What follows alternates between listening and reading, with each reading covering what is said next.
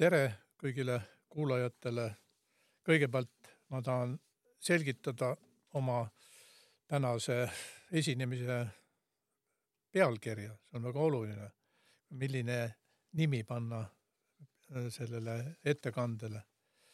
et ma räägin siis rohetehnoloogiatest terase kui tehiskeskkonna selgroo fookuses ma selgitan kõigepealt miks just rohetehnoloogiatest räägin, miks just terasest ja miks see teras just on selgroog enne sissejuhatuseks. nii et kõigepealt rohetehnoloogiad, no rohetehnoloogiad on nüüd kahekümne esimese sajandi alguses väga kuum teema kõikides valdkondades, alates IT-st, lõpetades energia tootmisega, lõpetad, jätkates toidu tootmisega, põllumajandusega, kõigil eh, nendes valdkondades räägitakse rohetehnoloogiatest.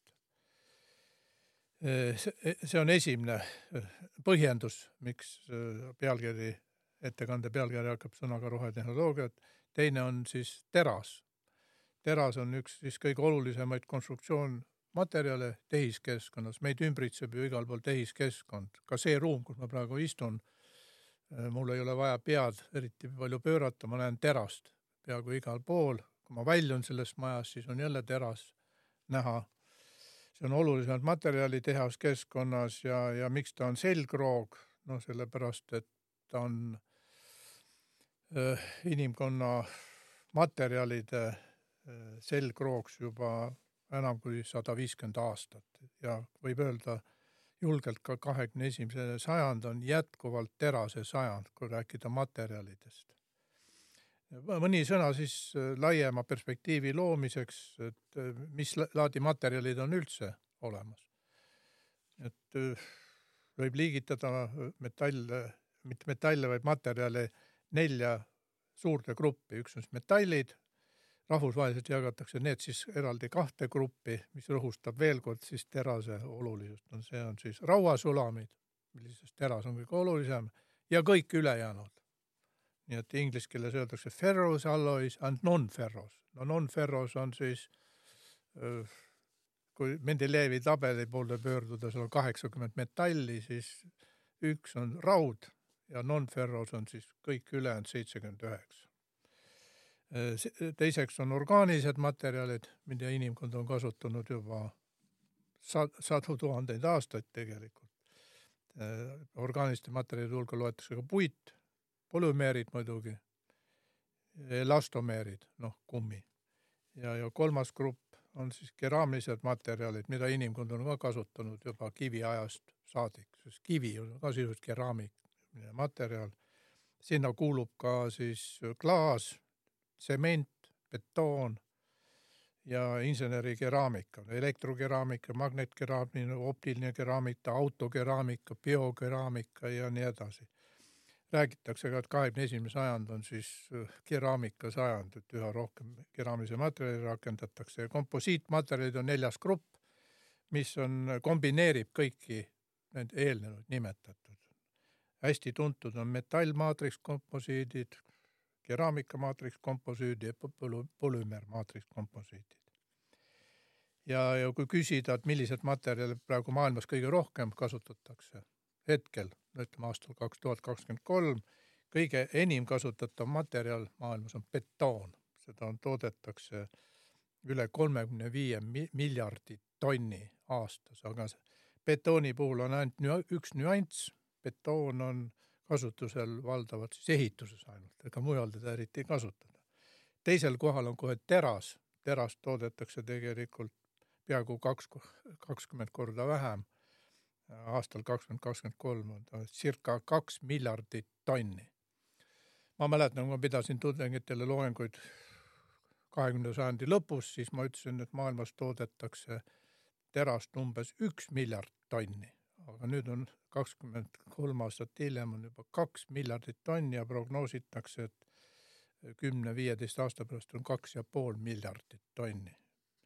ja kolmas äh, materjal, mille kohta ma tonnides ei oska midagi öelda, sest infot äh, esitatakse kuupmeetrites, võite ära arvata, mis materjal see on, puit, mida on siis kasutatud ka läbi aasta tuhandete, kümned tuhanded aastad. Ja lõpuks sissejuhatus nii palju, et äh, materjalid on inimkonna ajaloos nii olulised, terved ajastuid nimetatakse selle nimega. iga kooliõpilane on kuulnud, et on olnud kiviaeg. kui kaua see kiviaeg kestis? no kiviaeg kestis sadu tuhandeid aastaid kuni esimeste metallide kasutusele võtuni. esimeseks metalliks, mida võeti, hakati kasutama, ta on hinnanguliselt umbes kolm tuhat kakssada aastat enne meie arvamist, aga võib-olla isegi rohkem, oli siis pronks. algas pronksi aeg ja pronksi aega hinnatakse, et see kestis umbes kaks tuhat aastat, see on aastal kolm tuhat kakssada kuni tuhat kakssada enne Kristust, siis oli pronks nagu põhiline aga see ei tähenda, et pronksi ka tänapäeval ei kasutata, kasutatakse üsna laialdaselt. ja siis algas rauaaeg, see on umbes hinna, hinnanguliselt tuhat kakssada aastat enne meie ajaarvamist ja sa, aasta sada peale meie ajaarvamist. aga see ei ole veel teraseaeg, teraseaeg ja rauaaeg on täitsa erinevad asjad. rauaaeg siis jätkus, aga see jätkus ka hiljem ja sellest võttis osa teatud määral ka Eesti nüüd siin viikingite aeg äh, on ajaloost teada, et Eestis toodeti rauda äh, soorauamaagist. Eesti maapõues on rauamaaki märkimisväärses koguses. et ma olen kusagilt lugenud, et üle miljardi tonni rauamaaki on Eesti maapõues, ma ei räägi soorauamaagist, mis on pinnal. ja see ilmselt mingil ajal kaevatakse välja, hetkel on rauda maailmas piisavalt ja Eestis ei tasu seda kaevandada. Ja veel mõnest materjalist on siis klaas, mida hakati kasutama aastast tuhat kolmsada circa. ja siis äh, algab siis äh, terase ajastu ja terase ajastu nii-öelda stardipauguks on üheksateistkümnes sajand ja eriti sajandi keskpaik tuhat kaheksasada viiskümmend kuus, kui patenteeriti meetod toota sulaterast massiliselt, see Bessemeri konverter no seda räägitakse ka kooliõpilastele juba keemiaõpikutes, ma olen näinud, et Bessemeri konverter oli üks tohutu suur innovatsioon materjalide kasutamises üldse ja see terase ajastu kestab siiamaani. ka aastal kakskümmend kakskümmend kolm jätkuv. alumiinium ka üheksateistkümnenda sajandi lõpust, siis kui leiutati mitte leiutatud, vaid võeti kasutusele äh, äh, suures koguses elekter elektri tootmine, siis sai võimalikuks ka alumiiniumi tootmine, mõnevõrra hiljem magneesiumi tootmine ja nii edasi. ja plastid on, see on kahekümnenda sajandi eh, leiutis ja, ja kasutatakse siiamaani. nüüd oma põhilises eh, jutus ma teen juttu siis rohetehnoloogiate põhimõtetest, käsitledes siis eh, eelkõige siis terase tootmist teises osas räägin lühidalt siis äh, jätkusuutlikust ehk keskkonnasäästlikust terase tootmisest. terast toodetakse siis massiliselt juba üheksateistkümnenda sajandi keskpaigast, aga nüüd on muud kiired muutused ootamas siin. et kui eelnevad sada viiskümmend aastat toodeti pikalt mõtlemata sellele, et milline see süsiniku jalajälg on, carbon footprint inglise keeles hästi sageli esineb, siis nüüd sellele mõeldakse märkimisväärselt ja ka siin meie äh, Balti mere ümbruses, siin. Rootslased on siin innovaatorid, millest ma kohe räägin. ja teiseks on siis äh, terase kasutus, keskkonnasäästlik kasutus, nii et äh, mitte ainult terase tootmisel ei ole võimalik roheliselt käituda, vaid ka terase kasutamisel ja teiste materjalide kasutusel samamoodi. no mis asi on rohetehnoloogia, see on siis keskkonnamõjuga arvestav jätkusuutlik tehnoloogia, seal on hästi palju sünonüüme segadusse ajavalt, räägitakse, et jätkusuutlik tehnoloogia, keskkonnasäästlik tehnoloogia, puhas tehnoloogia, keskkonnateadlik tehnoloogia, keskkonnamõjuga arvestav tehnoloogia, see kõik on üks seesama asi. et mina räägin siis lühidalt rohetehnoloogiatest. ja rohetootmine, no see on, see on samamoodi siis keskkonnasäästlik või kes vähema keskkonnamõjuga tootmine, green manufacturing inglise keeles. et selle rohetehnoloogias on nagu üldises mõistes, aga seal on hästi palju all äh, kitsama fookusega tehnoloogiaid, ma lihtsalt lühidalt loetlen neid ja kõik nad on olulised ja ulatuvad kõikidesse meie tegevuse eluvaldkondadesse. algul isegi uskumatud, roheline IT, noh, infotehnoloogia, roheline äh, äri, green business, roheline energia on kõigile arusaadav, see on eriti suures fookuses. roheline toit, roheline ettevõtlus, roheline ehitus, roheline metallurgia, roheline logistika ja seda on üsna lihtne selgitada, kuidas võib olla roheline logistika. ja üldiselt äh, fookus äh, on siis rohetootmisel, minu ettekande fookus, kuna ma räägin siis terase tootmisest. Rohetootmisel tuleb pöörata tähelepanu sellistele aspektidele, mitte ainult tootmisele kui sellisele valmistuslikust aspektist, vaid rohelised rohelised võivad olla siis ressursid, mida me kasutame tootmisel. Roheline projekteerimine, juba projekteerimisel tuleb arvestada ükskõik, mida me projekteerime. minu, ma toon hästi palju näiteid siis autost just.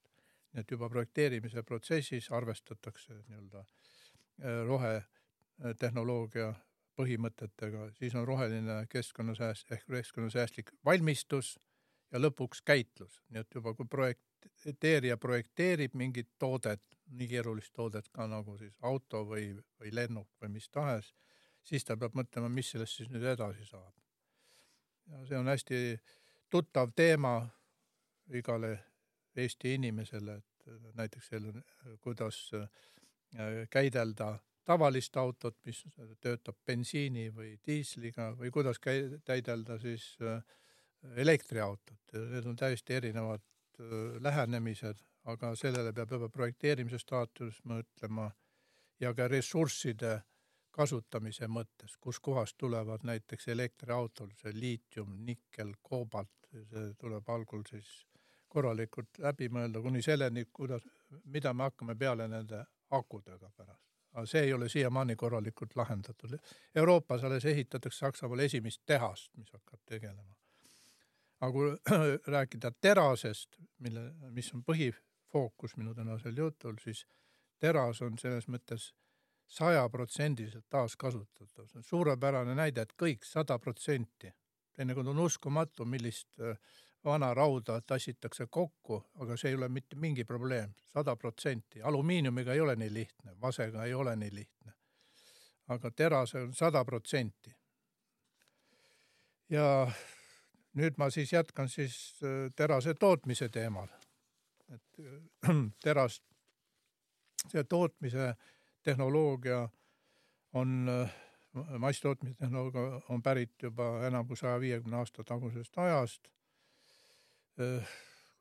Kui internetis vaadata, kui palju on süsi, kui suur on süsiniku jalajälg üldse inimtegevuse erinevate tehnoloogiate panus on, siis on kolmkümmend seitse miljardit tonni aastas, iga aasta ja see on pigem kasvav, vaatamata sellele, et räägitakse võimalustest, kuidas seda jalajälge vähendada, aga see on pigem kasvav. aastal kakskümmend kakskümmend kaks oli see kolmkümmend seitse miljardit tonni.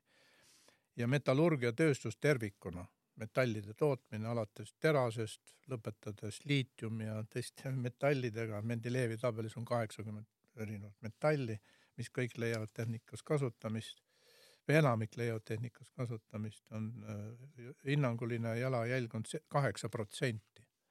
ma just rääkisin ka sellisest materjalist nagu betoon, mida toodetakse maailmas miljardites tonnides kõige rohkem konstruktsioonmaterjalina. Siis äh, tsemendi tootmine ja tsemendi tootmise jalajälg on umbes sama suur, kaheksa protsenti aga sellest kaheksast protsendist siis suurem, kõige suurem osa on rauasulamitel, teras ja malm ja, ja, ja teisel kohal on alumiinium. ja miks just teras on esikohal, sellepärast et seda toodetakse lihtsalt kõikidest metallidest kõige rohkem. kõige säte, suurima panuse metallurgiatööstuse jalajälge annavad siis kaks materjali, üks on siis äh, terase tootmisele protsessis kasutatav koks, noh, iga kooliõpilane teab, mis on koks, on praktiliselt puhas süsinik. ajaloos kasutati koksi ka Eesti territooriumil raua taandamisel. nii et äh, puusütt pigem süsinikku, mitte niivõrd koksi.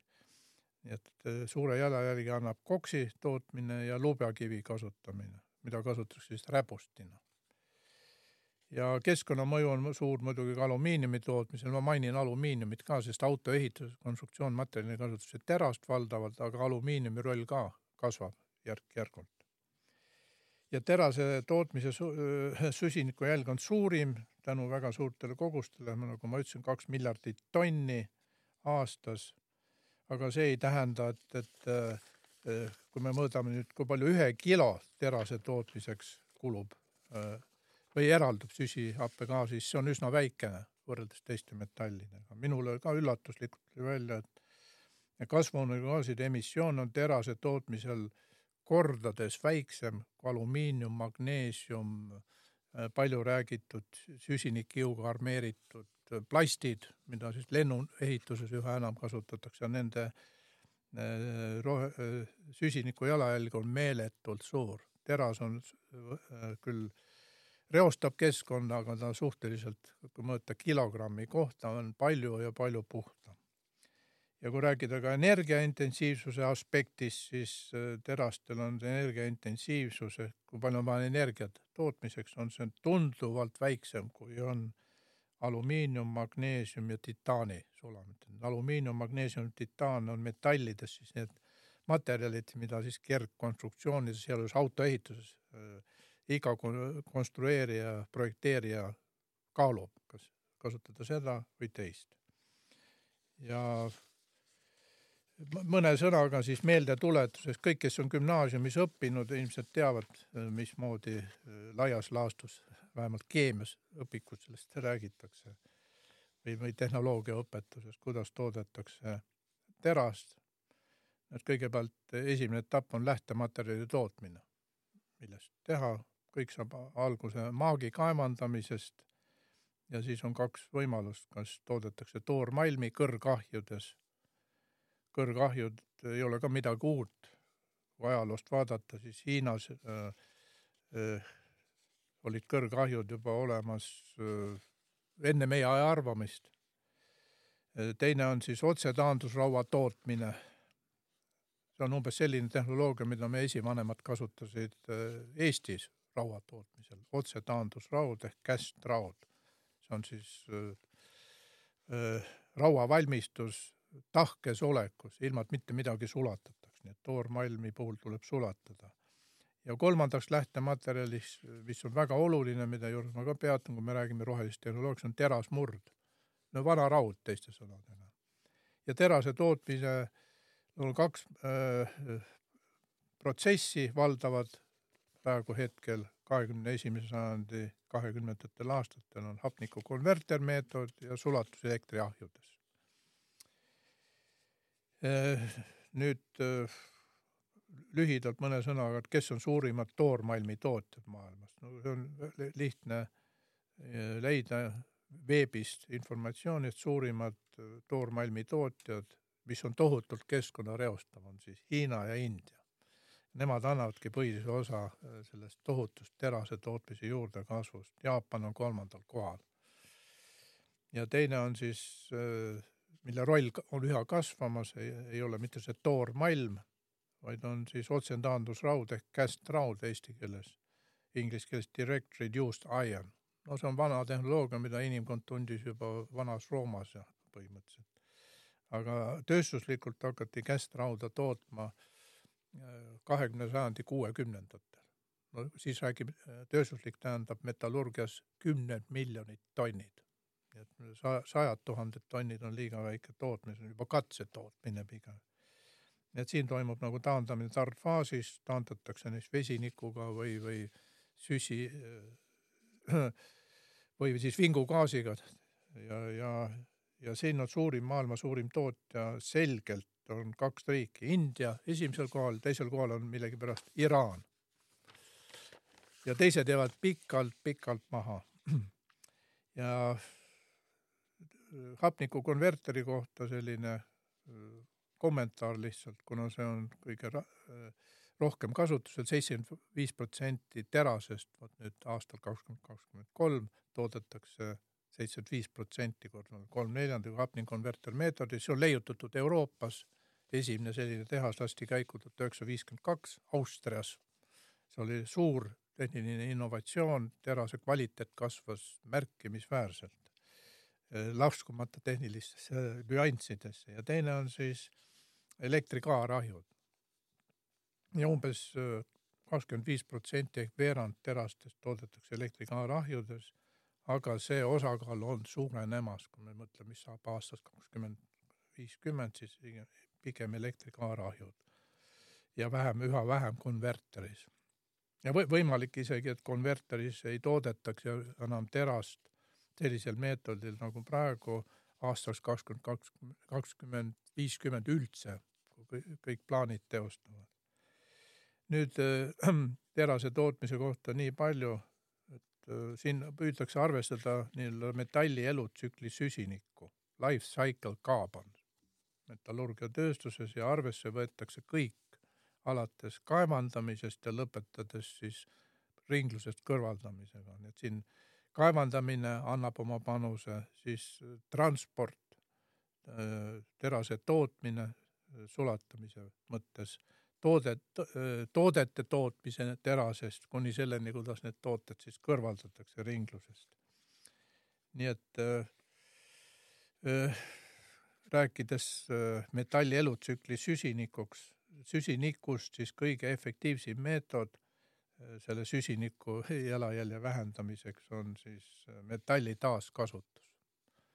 ja metalli taaskasutusele on mõeldud juba terve kahekümne sajandi kõik me oleme koolis käinud ja mäletan, kui korjasime vana rauda ja, ja, ja siis ei, ei mõeldud sellele rohelisele tootmisele niivõrd rohelisele küljele, lihtsalt see oli parim toormaterjal, mis andis kõige kvaliteetsema terase. Ükskõik, kas on katuseplekk või autokere või see kõik sulatatakse ümber ja see tehnoloogia on väga hästi sisse töötatud. Ja, ja jalajälge aitab oluliselt määral vähendada ka siis otsetaandusraua kasutus toormalmi asemel, nii et see toormalmist terase tootmine konverterites on tohutult keskkonna reostav ja sellest üritavad äh, enamik ettevõtteid äh, Euroopas, põhilised tootjad, vabaneda siin lähema viieteist aasta jooksul. nii et äh, millised on siis rohelise terase tootmise võimalused. kõigepealt kivisöö asendamine biomassiga, ma praegu loetlen lihtsalt lühidalt ette, millega praegu tegeletakse just praegu. kõrgahju efektiivsuse suurendamine, vana metalli taaskasutuse laiendamine, siin see probleem on see, et, et teraskonstruktsioonid kestavad ju, võivad kesta mitusada aastat. Eiffeli torn seisab juba väga kaua, eks ju ja, ja sillad, mis ehitati näiteks Ameerikas siis, kui tekkis terase tootmise buum.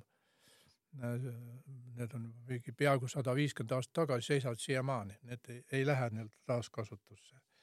siis on üks teema, millega tegeletakse väga tugevalt, on süsiniku kogumine no inglise keeles carbon capture, see süsihappegaas tuleb, tuleb kokku koguda ja kusagile siis paigutada ja see tavaliselt see käib niimoodi, et ta veeldatakse ja üritatakse pumbata siis maa alla ja hoida teda seal kinni.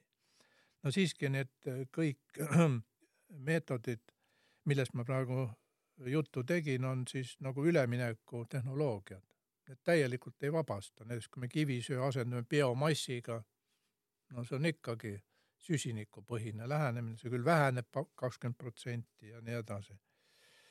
ja, ja tuua üks radikaalsema lähenemise näide, siis ma alles osalesin paar nädalat tagasi ühes Rootsi ettevõttes, suurim terasetootja.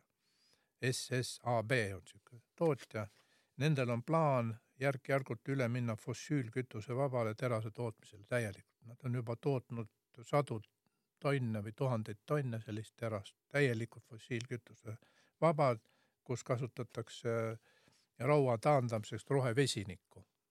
see on väga lihtne, on selles veenduda, kui minna SSAB koduleheküljele, seal on siis, nad uhkusega teatavad, et nemad on kõige innovatiivsemad Euroopas üldse ja, ja vist aastast kakskümmend nelikümmend peab olema kõrgahjud kõik kinni pandud ja nemad toodavad ainult rohelist terast.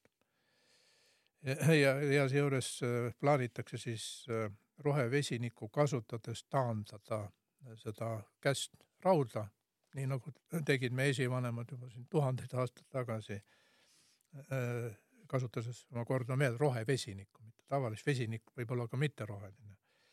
ja elektriahjus sulatus järgneb kasutada rohelist elektrit et neil on väga ilusad plaanid selles osas, nii et äh, kõrgahi pluss konvertermeetod, mis on valdav praegusel ajal, seitsekümmend viis protsenti, kord nad toodetakse nii, Rootsis ei ole aastast kakskümmend nelikümmend viis või nelikümmend juba sellist tootmist enam olemas.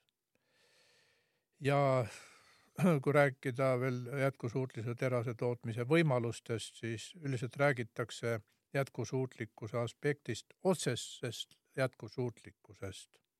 see tähendab, et äh, otsene jätkusuutlikkus tähendab see, et metalli, on see siis teras või alumiinium, magneesium või mis tahes, äh, süsihappegaasi äh, eraldumise vähendamine.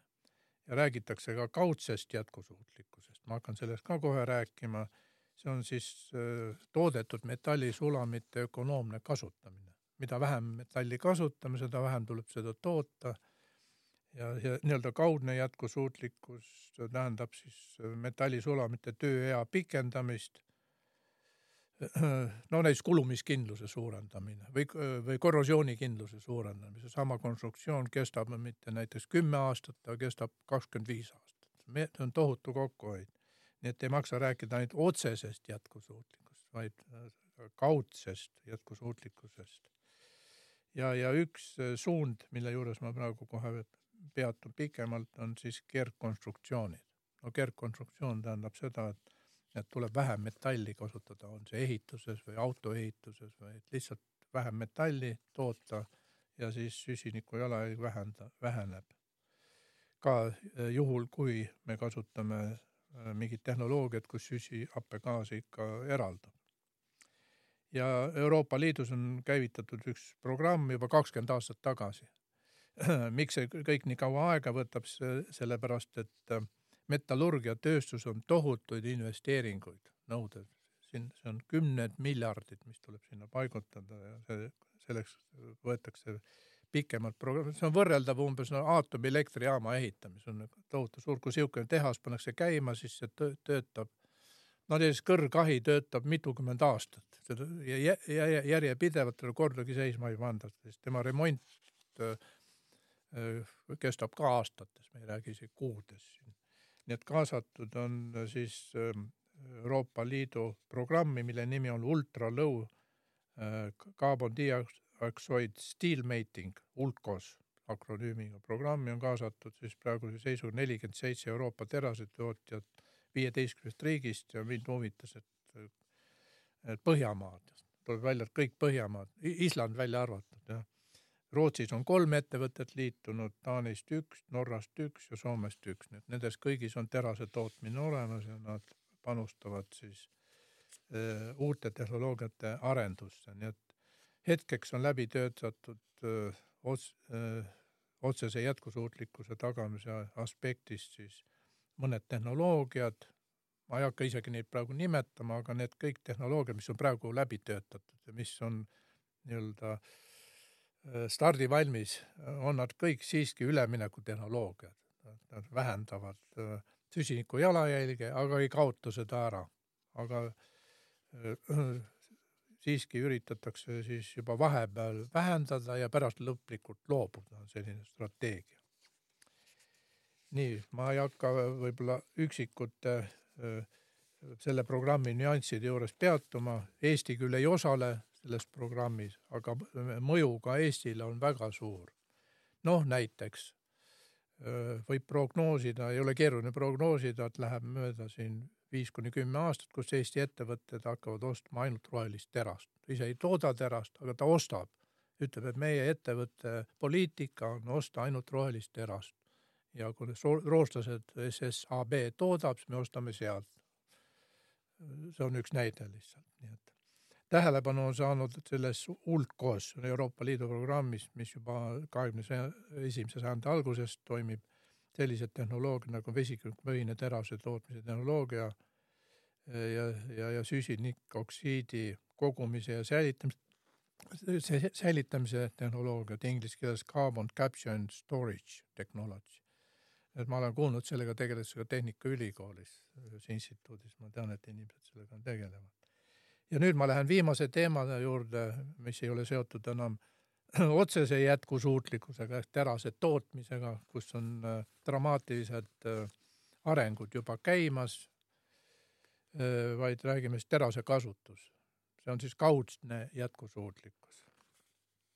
nii et äh, missugus, missugustel etappidel siis tekib süsihappegaas, see on kõigepealt siis äh, materjalide tootmises, millest ma just rääkisin, terase tootmine või alumiiniumi tootmine või magneesiumi tootmine, see viimane magneesiumi tootmine, jalajälg on tohutult suur iga kilogrammi kohta, see on suurusjärk suurem kui rauasulamite tootmisel. Teine on siis äh, äh, tooted, tootmine. Antud juhul ma kontsentreerun autole, mikspärast, et Euroopas on selgelt autoehitus on innovatsiooni vedur. nii et ma, kui ma vastavat äh, infot internetis otsin, siis minu üllatuseks kõige rohkem investeeringuid erinevates tööstusvaldkondades tehakse Euroopas, ma ei tea, kuidas mujal maailmas, autoehituses. see on kuus, circa kuuskümmend miljard, miljardit aastas. see on siis neli Eesti riigi eelarvet aastas.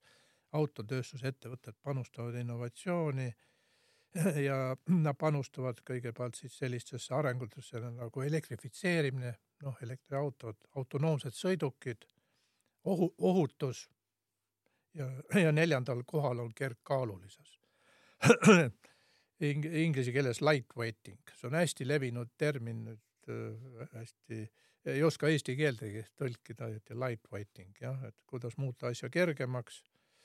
ja mu edasine jutt kontsentreerubki terase kasutusele autoehituses, kuna autoehitus on see innovatsiooni vedur nii et süsiniku jalajälgi jätab äh, terase tootmine, äh, terasest auto äh, tootmine ehk terase kasutus, siis samuti auto kasutus. Et auto kasutamisel eraldub ju ka süsihappegaas, bensiini või, või, või diiselauto, ei ole vahet. ja lõpuks, mis sellest autost siis edasi saab. nii et kõikidel nendel taaskasutusprotsessid nõuavad ka ühesõnaga e-, energiata nendes protsessides eraldub süsihappegaas. teras moodustas põhilise osa automassist. Kui vaadata nüüd viimase viiekümne aasta jooksul, siis automassist terase osa on kogu aeg suurenenud, mitte vähenenud, vaid suurenenud. hetkel anno kakskümmend kakskümmend kolm moodustab teras umbes kuuskümmend viis protsenti ükskõik missuguse automassist, see on circa üheksasada kuni tuhat kilo, no ütleme ümmarguselt tonn iga auto kohta. veoautostest rääkimata, seal on siis mitmed tonnid. Ja kahekümne esimese sajandi jooksul on siis kergkaalulise see ehk lightweighting poliitika elluviimisel õnnestunud automassi, igasuguse, iga automassi vähendada circa kakskümmend viis protsenti. No mida tähendab äh, kakskümmend viis protsenti, seda on väga lihtne ka nii-öelda kvantitatiivselt iseloomustada, kui me vähendame automassi kümme protsenti, siis see vähendab hinnanguliselt kütusekulu kuus kuni kaheksa protsenti, no päris palju.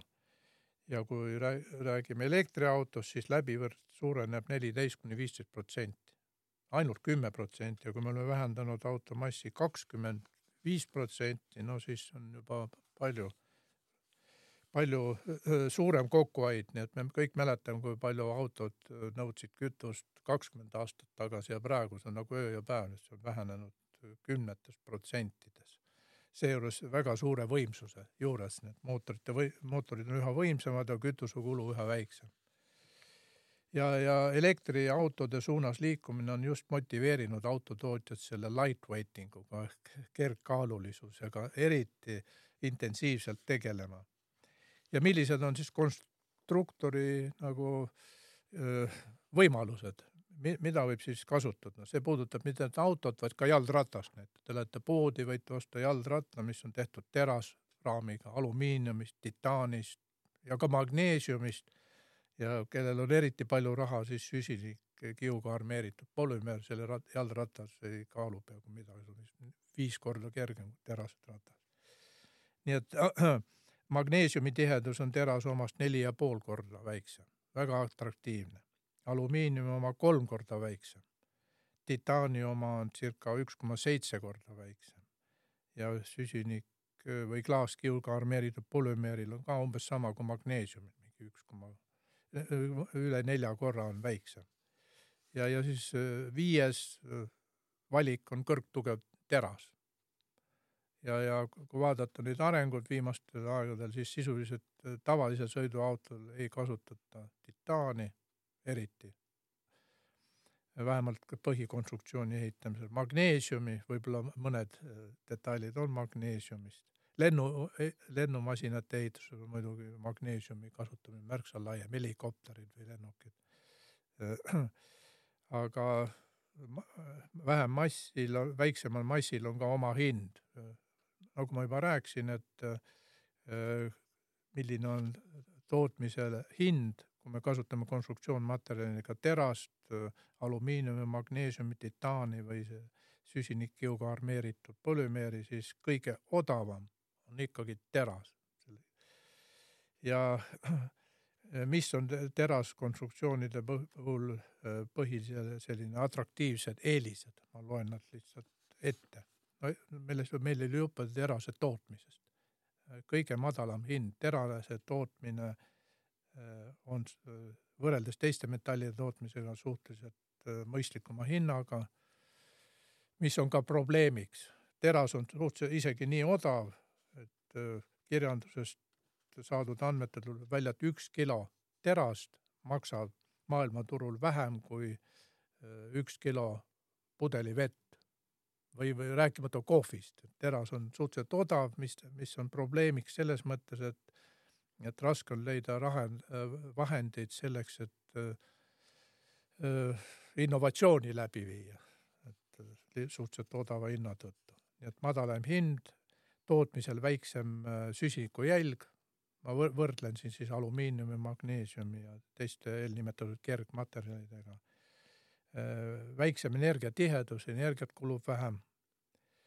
Äh, paremad mehaanilised omadused, vaieldamatult terase mehaanilised omadused ületavad nii titaani, alumiiniumi, magneesiumi ja, ja ka kohati siis süsinikkiuga armeeritud polümeere tehnoloogilisus on vaieldamatult parem, terase tehnoloogilisus on suurepärane. ja lõpuks võib-olla kirsinatordil sada protsenti taaskasutatav. Seda ei saa öelda neist, mida osatakse teha süsinikkiuga armeeritud polümeeriga. ma ei ole hästi kursis, aga ilmselt see on väga suuri probleeme tema taaskasutusel, terasel ei ole mitte mingit probleemi. nii et seda tuleb rõhutada siis olulise aspektiga nii et teraste puhul siis äh, on nüüd fookuses suurendada terase tugevust.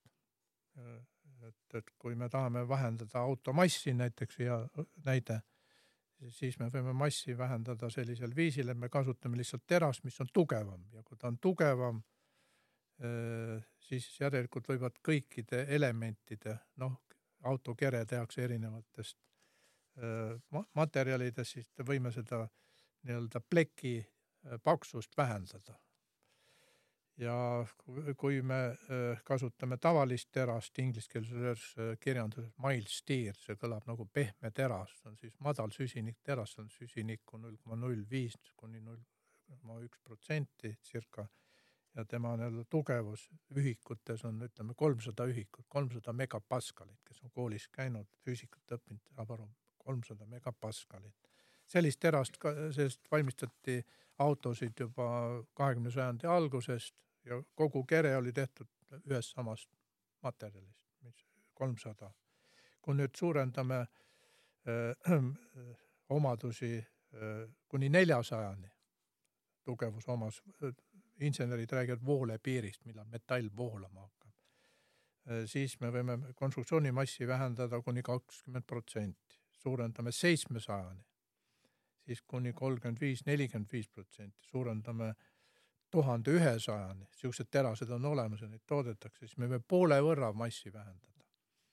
nii et äh, praegu terasetootjad tegelevad usinasti autotööstuse tellimusel eelkõige sellega, kuidas vähendada äh, või suurendada terase tugevust ja seeläbi äh, vähendada siis massi.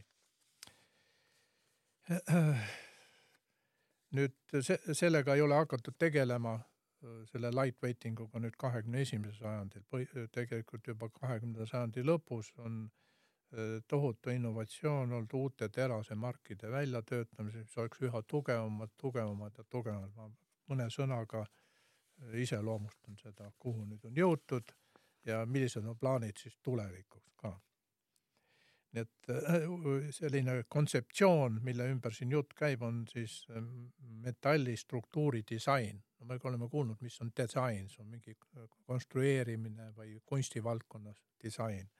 aga siis äh, hästi levinud termin siis materjaliteaduses ja tehnikas on siis structural design inglise keeles, struktuuri disainimine. ja siin on nii teaduse kui tehnoloogia äh, valdkonnas saavutatud tohutut edu, see on märkimisväärne, täitsa muljetavaldav edu ka insenerina, nagu mina olen. nii et siin on juba aastad, kaheksakümnendatest aastatest eelmisel sajandil kuni siiamaani on välja töötatud suur hulk erinevaid teraseid, millele on pandud siis niisugused nimetused ka, mida ma üritasin ka eesti keeles nimetada on kõrgtugev terad, high strength steel, siis on nüüdist kõrgtugev terad, advanced high strength steel ja et kõrgtugevaks loetakse kõiki, mille siis äh, tõmbetugevus on seal üle kolmesaja megapaskalit, nüüdist kõrgtugevad on üle viiesaja, siis on ülitugev teras. ma praegu üritasin tõlkida seda eesti keelde, on üle seitsme, kaheksakümne gigateras, üle tuhande ja nii edasi nii et neid teraseid on arendatud, räägitakse esimese põlvkonna, teise põlvkonna, kolmanda põlvkonna terastest ja ja, ja eesmärk on siin siis äh, vähendada autokere massi ja seeläbi siis äh, äh, suurendada ka muuhulgas sõitjate ohutust. vähendada autokere massi ei ole eesmärk iseenesest, vähendada kütusekulu ja vähendada seeläbi ka siis kasvuhoonegaaside emissiooni ja kui nüüd vaadata kaasa autot aasta kakskümmend kakskümmend või kakskümmend kakskümmend kaks, keegi ostab auto, siis, siis võib öelda, see auto põhikere, põhikonstruktsioon koosneb seal kümmekonnast erinevast terasest ja ma meenutan, et viiskümmend aastat tagasi oli enam-vähem üks, nüüd on ta kümmekonna erinev ja erinevad sektsioonid on valmistatud erinevatest terastest, näiteks esiosa ja tagaosa tehakse ühest terasest, esiosa tehakse sellepärast ühest erinevast võrreldes siis keskmise osaga, et see peab neelama energiat ohutuse tagamiseks, kui kokkupõrge toimub. keskosa tehakse kõige tugevamast terasest, et näiteks kui auto rullub üle katuse, et inimestega midagi ei juhtuks. ja see tekitab ka suuri tehnoloogilisi probleeme, sest need terased on kõik erinevalt töödeldavad, iga varem, kui tehti erinevate kereosade tootmiseks, kasutati sarnast, äh, sarnaseid võimalusi, siis nüüd tuleb iga terase puhul välja töötada nagu erinev lähenemine, tehnoloogia ja nii edasi, nii et võib öelda julgelt, et äh, mul on siin andmed, näiteks kümme aastat tagasi keskmise sõiduauto massist moodustasid need advanced high strength steels umbes kolmandiku siis nüüd kümme aastat hiljem juba ligi poole ja, ja kui va vaadata prognoosi aastani kakskümmend nelikümmend, siis, siis nende kõrgtugevate teraste osakaal kasvab, tavateraste osakaal väheneb ja ka alumiinium on siis teine, mida autoehituses siis kasutatakse üha enam. ja lõpetuseks siis selle kuhu teras kulub. kui palju. ma äh, esitasin mõnele kolleegile küsimusi, et mis te arvate, kuhu suurem osa kahest miljardist tonnist, mis aastas toodetakse, kulub. no mõned vastasid, et noh, et ilmselt siis autod ja et ei ole auto ehituses, sealhulgas veoautod, kulub umbes üks kuuendik kõikidest teras. innovatsiooni tehakse seal meeletult, aga üks kuuendik. valdav osa terasest kulub ehituses. Inglise keeles on siis construction, no igasugused ehitustes. ja nüüd kõrgtugevate teraste arendus on saanud alguse autotööstuse innovatsioonist, aga see hakkab samm-sammult jõudma ka ehitusse. näiteks võib, ehituskonstruktsioonid võivad muutuda ka õhulisemaks ja kergemaks. ja, ja prognoositakse siis nende kõrgtugevate teraste kasutamist mereplatvormid, sillad, sõjatööstus, laevaehitus, lennumasinate ehitus. Nii et vaatamata sellele, et ter teras ei ole kergmetall tavapärases mõttes, me kergmetalli all mõtleme ikka alumiinium, magneesium, titaan, on terase kasutus vaat- äh,, seoses tema suurte eelistega tehnoloogias äh, endiselt fookuses ja teras on ka kahekümne esimesel sajandil tehiskeskkonna selgrooks. aitäh tähelepanu ma ei tea, mis välja tuli, aga ma olin